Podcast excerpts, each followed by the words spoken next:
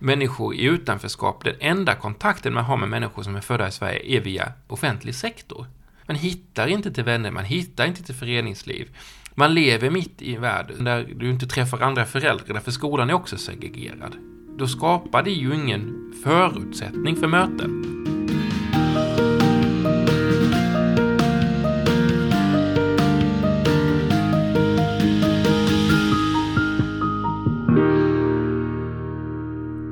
Finns massor av fantastiska människor i den här stan som skulle kunna bli en stor tillgång i arbetslivet. Men systemet är inte byggt för dem.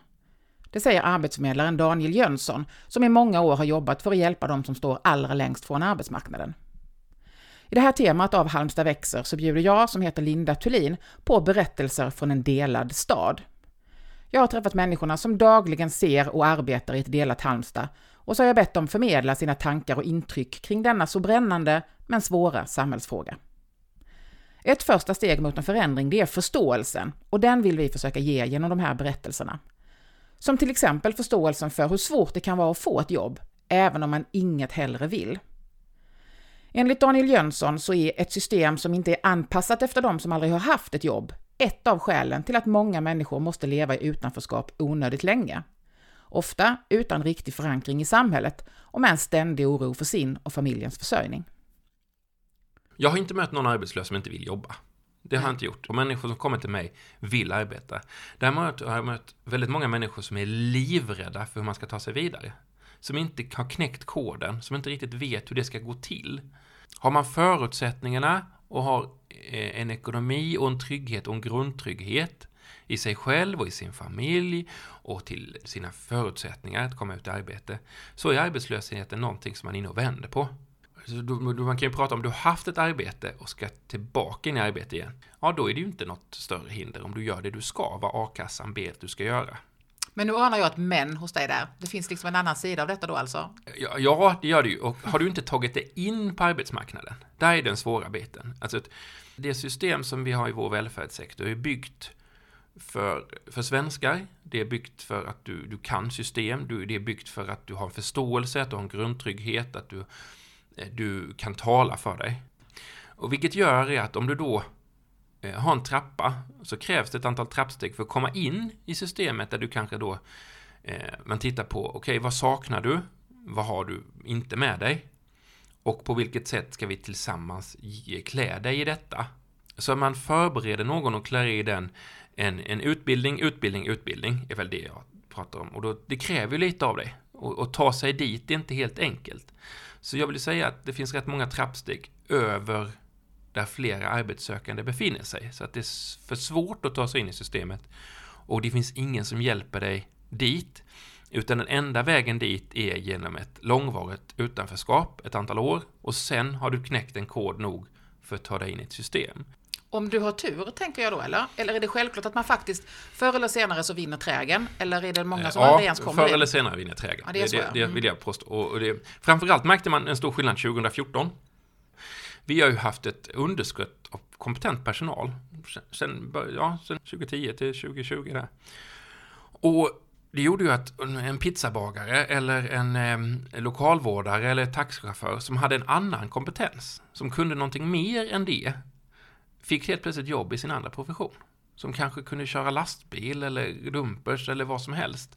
För det var sån brist så man sökte de jobben. Och eh, arbetsgivare såg inte längre etnicitet utan såg vad man hade för kompetenser.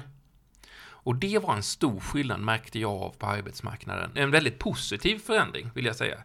Att arbetsgivare började se enbart kompetenser först. Och när de väl till slut som sagt blev om man ska vara lite hård, tillräckligt desperata på arbetskraft så fick de vidga begreppen. Skulle man jämföra det med eh, på 80-talet pratar man, jag, jag säger 80-talet, kanske var 70 också, men eh, man pratar om att har man körkort då är man, eh, då är man redig. Har man jobbat på, eh, på McDonalds eller har man eh, haft häst då är man redig. Okay, ja. Har man gjort lumpen var det också. De fyra faktorerna har varit så här, ja men då, då kan jag anställa, då litar jag, då har jag en tillit till det. Spelar ingen roll, ingen som har visat sina gymnasiebetyg inför ett jobb.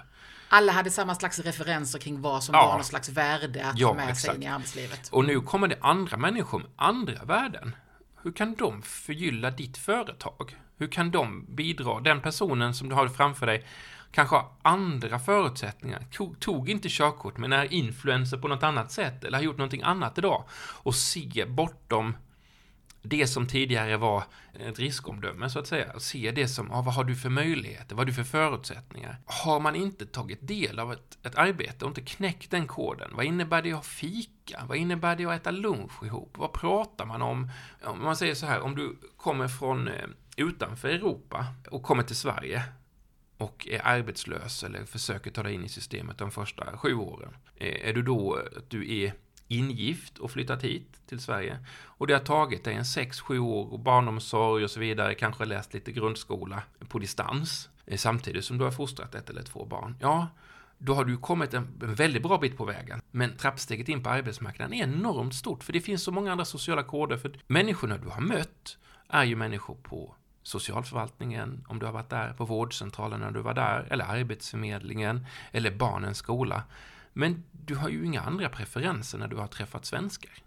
Men Så. jag tänker då, för då är det liksom lite grann det att um, apropå det här att vi lever i världar som är väldigt långt ifrån varandra. För det är det som blir grejen, att när man då lever arbetslös i flera år på något sätt, så hamnar man väldigt långt borta från det etablerade samhället. Ja, alltså den, den skräcken att vara arbetslös, när vi har ett system som är, du, du straffas ut hela tiden. Vi har byggt ett system som är gjort för svenskar som är gjort för att du kan och förstår. Och har du fått en samhällsorientering som den enda information på 40-60 timmar så är det ditt liv som en Jackson Pollock-tavla. Det är, det är bara fragmenterade bitar av vad jag ska och inte ska. Vilket gör att när det är dags att lämna in sin aktivitetsrapport, månadens lista på arbeten som du ska fylla i där, och har du inte gjort det så kan du drabbas av ekonomisk sanktion. Och den skräcken är rätt stor bland rätt många. Och lite obegripligt också någonstans att ta till sig hela det systemet. Ja, ja det, det, att, att förstå då vad har jag fått pengar ifrån och vem och när och hur är inte alltid så enkelt. Och det är inte så enkelt för någon. Fråga vilken 18-åring som helst hur fungerar a-kassa, fungerar vad, vad, vad, vad då att jag ska ha eh, eh, sjukförsäkring eller försäkring överhuvudtaget. Vad är detta för någonting? Att förstå detta. Det är en enorm resa att förstå alla dessa begreppen. Eh, väldigt många gör ju det väldigt snabbt, men inte alla. Så på något sätt, om jag tolkar det rätt, så kan man säga att det som på ett sätt håller människor kvar i en utsatt position är ett system som egentligen är skapat för att hjälpa människor men på något sätt nästan bidrar till att hålla dem ute för att det blir för svårt att fatta. Ja. Överdriver jag tolkningen? Nej, du överdriver inte alls. Jag har suttit med en fantastisk människa i samtal i två timmar om att ringa till en arbetsgivare. Jag hade de förutsättningarna då. Jag, jag tog den tiden med den individen. Vi satt i två timmar i ett samtal och grät. Inte jag då, men jag lyssnade och var tålmodig och skrev ner vad kan vi säga, vad, vad kan det gälla.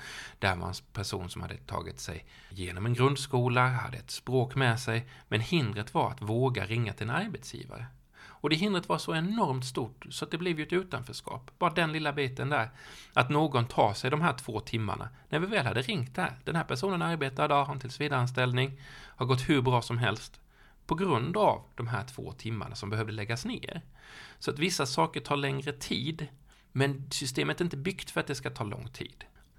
Jag tänker så mycket när jag hör dig, att eh, du sitter på, och alla ni som jobbar på det sättet som du gör, för du är ju långt ifrån ensam, sitter ju på en kompetens och en förståelse för människor som så många av oss andra inte gör. Vad tänker du hade blivit bättre om fler människor hade fattat hur det är att vara på den där sidan?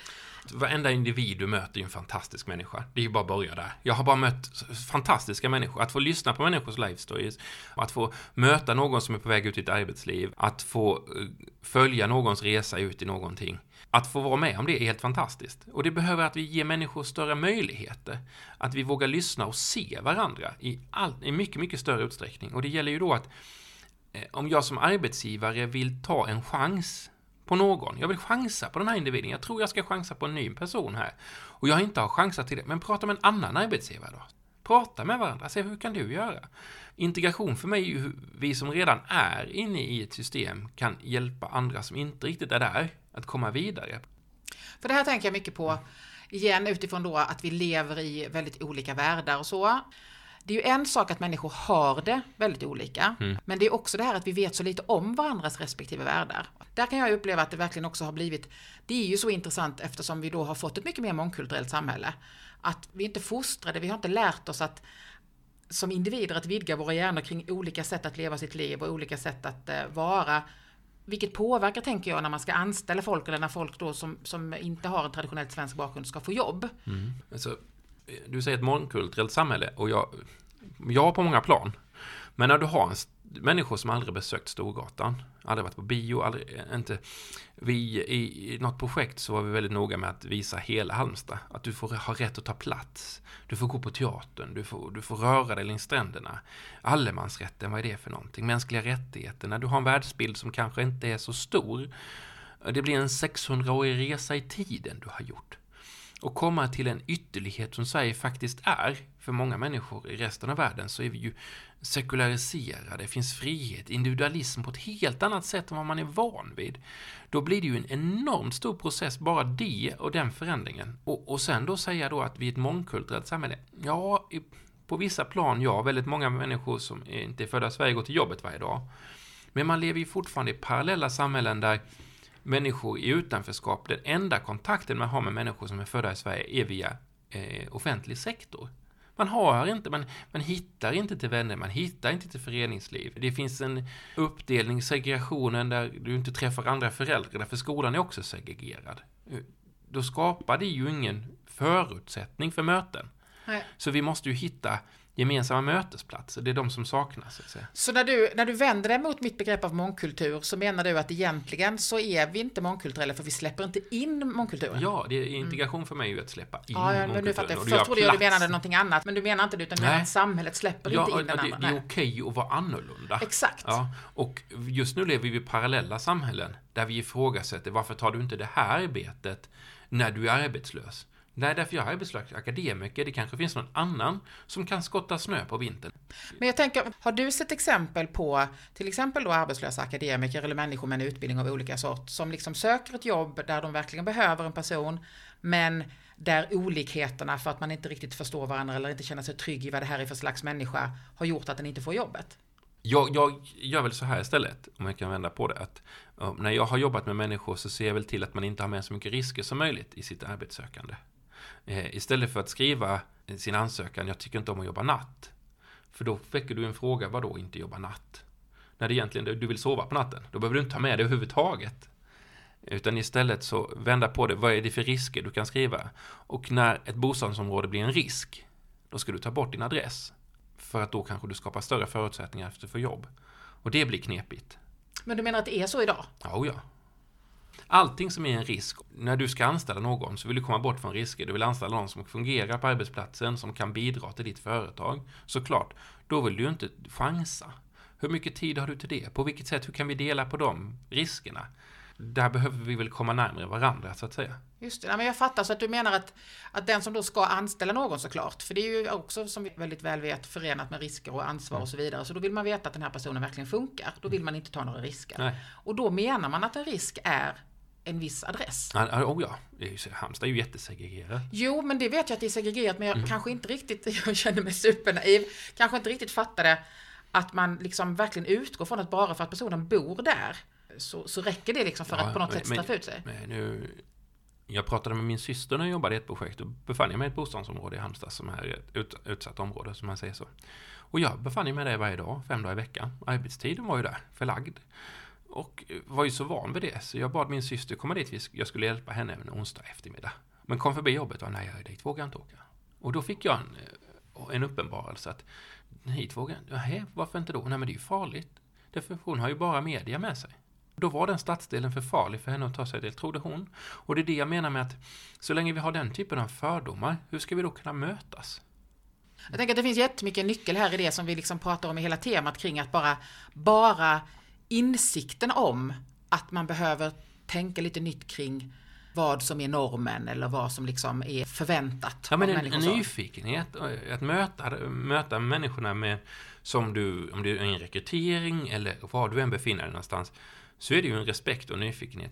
Jag har gjort så här att eh, i den, det- det jag jobbar med arbetar med nu, så har jag ju fått arbetsgivare och arbetssökare att mötas på arbetsplatsen, få en rundtur, få se arbetsplatsen, få förstå varandra, få komma in på en intervju på plats där jag har förberett arbetsgivaren som kan vara otrygg och ovan vid att anställa så att säga genom att mötas då kommer man bort från de hindren som fanns en Man tidigare. får lite större förståelse Ja, för lite så, då. ja precis. Ja. Tänk dig när du är 17, 18, 19, 20 och ska ta dig in på arbetsmarknaden. Ditt första akademiska arbete efter du har pluggat en utbildning. Där du har en roll som förväntas av dig, men du vet inte vad den är. Att bli trygg i detta. Det är ju någonting som, om man kommer ny i Sverige, så är ju allting, alla intrycken är helt nya hela tiden. Konstant runt omkring dig. En arbetsplats en helt ny plats för dig. Då kräver det ju att du är tillåtande som arbetsgivare. Att eh, den här personen kanske inte är med på alla fikor eller inte har förstått eller inte hänger med eller är tyst. Vad Du anställer den här personen som skulle vara ut, framåt och, och utåt och nu är det alldeles tyst. Ja, men är blyg för att det är en ny miljö. Ge det tre månader, ge det sex månader, ge det ett år. Hur mycket chanser får vi? För att det finns fantastiska människor som inte har ett jobb att gå till som egentligen skulle kunna bidra på så många olika sätt och vi går kompetens till spillo idag. Alltså, du är ju engagerad i det du håller på med, så du pratar ju med många människor om det du gör. Märker du liksom att eh, i ditt umgänge att, att folk har mycket ja, men bristande förståelse för Men man har ingen förståelse alls. Man lever ju inte det, det är en parallell värld. Har ju ingen aning hur det går till. Man vet att en stadsdel, där, där skjuts det, eller där, eh, där knarkas det, eller där går det illa till. Det är det man, man tror sig veta. Om man har lyssnat på media tre, tre artiklar i tidningen de senaste tre åren, och den bilden har man byggt sig av en stadsdel. Och så tror man att så ser det ut överallt, men det finns ju fantastiska människor som har otroliga kunskaper, kompetenser och härliga, underbara individer överallt. Men vi lever ju i ett stressat, jäktat liv i, i någon slags högt tempo där du ska då öppna upp för att ta emot någon annan människa i detta. Hur, när ska du, var, var ska mötesplatsen vara någonstans?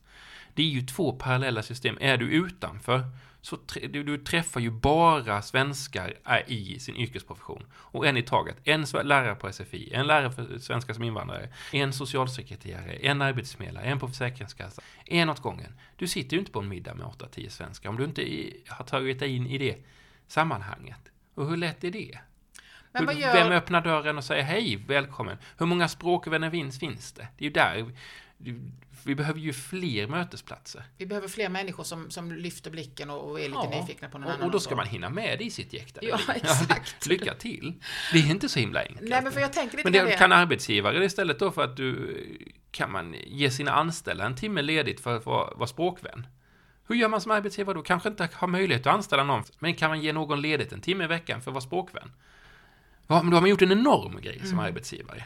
Det är väldigt få professioner som träffar individer som är från ett annat land och lär känna personer. Vi träffar ju personer i våra yrkesroller. Det är först när du kommer in på arbetsmarknaden som du kan bygga upp ett socialt liv. Det är där vi lär känna varandra. Eller föreningslivet. Och har man då sagt så, nu bor jag i Sverige, här ska jag bo, här ska jag leva, eh, då försöka ta sig vidare, men mötas av, av eh, stopp. Och, och eh, koder som ska knäckas och normer och stigman som ska övervinnas är inte så enkelt. Då behöver vi ju tillsammans mötas i detta. Mm. Man kan inte förvänta sig integration i människor som har tagit sig till Sverige. Nu ska du integrera dig. Jaha, det är ju som att flytta till Stockholm och säga nu ska jag bli kompis med stockholmare. Lycka till. Det är inte så enkelt. Det måste ju finnas någon som säger hej, du verkar trevlig, vill du komma med på en fika? Liksom. Det måste börja någonstans. Det är inte krångligare än så. Nej, och då är det ändå rätt krångligt. Ja, ja. Alltså för att det är svåra grejer som handlar om att återigen att vi är så vana vid att att vara runt människor som är ganska lika oss själva och att vi inte Ja, är helt ja. liksom... eh, Det har ju skett en förändring ganska snabbt de sista tiden som gör att vi behöver kalibrera om våra hjärnor kring att vi är inte längre lika lika varandra i det här landet som vi en gång var. Men jag kan ju ha mer gemensamt med en person oavsett var den befinner sig på jorden än med min granne eller med min kollega. Jag behöver ju fråga, hej vad gör du? Vad sysslar du med? Vad tycker du är roligt? Vad brinner du för? Har vi då ett kulturintresse tillsammans så kan det ju vara någonting vi kan dela en erfarenhet i. Som jag har större gemenskap med än nå- nå- någon annan. Som Mm. kanske är familjemedlem eller vad som helst. Och det är det mötet som är intressant. Till sist undrar jag lite grann, om du då med dina erfarenheter och eh, ditt liv i Halmstad som eh, liksom, eh, ur-Halmstad-kille skulle få chansen att liksom beskriva för människor som inte vet det om de här, den här delade staden vi har. Det här vet du inte om din stad. Äh, nej, Men du vet ju inte om att det finns ett antal människor Ett stort antal människor som går livrädda månad ut och månad in. Med en otrygghet för att inte veta om sina ekonomiska förutsättningar. Och som verkligen vill och längtar efter att få vara del av ett yrkesliv. Och som försöker ta sig vidare men inte har alla strukturella förmågorna eller koderna att ta sig dit. Att det är en stor grupp människor som kämpar. Det är rätt mycket tid som ska läggas ner på att vara arbetslös också. Och det är rätt mycket energi som går åt till det här. Och att man behöver en chans. Det finns väldigt mycket människor som inte får den här chansen. Som kanske du fick när du var i ditt första yrkesliv. Första jobbet. Så här. Och att 99 procent, alltså nästan 100 procent av alla människor vill ju precis samma sak. Att din familj ska ha det bra, gå till jobb, eh, åka på semester, eh, barnen ska ha en bra uppväxt, bra skola. Det är mer likhet än skillnaden. Skillnaden är så enormt små. Om man lägger två världar över varandra så är det är så ytterligheter som är skillnader. Som man kan skratta åt när man väl har lärt känna varandra. Likheterna är så mycket, mycket större. Daniel Jönsson, arbetsförmedlare. En av fyra Halmstadbor som i det här temat av Halmstad växer utifrån sina yrkesliv ger oss berättelser från ett delat Halmstad. Andra som medverkar är bland annat rektorn Katarina Mardell och Johan Björnqvist som är urban utvecklare på HFAB. Halmstad växer görs på uppdrag av Halmstad kommun. Redaktör är Susanne Ståhl. Jag heter Linda Thulin och jag är frilansjournalist. Hej då!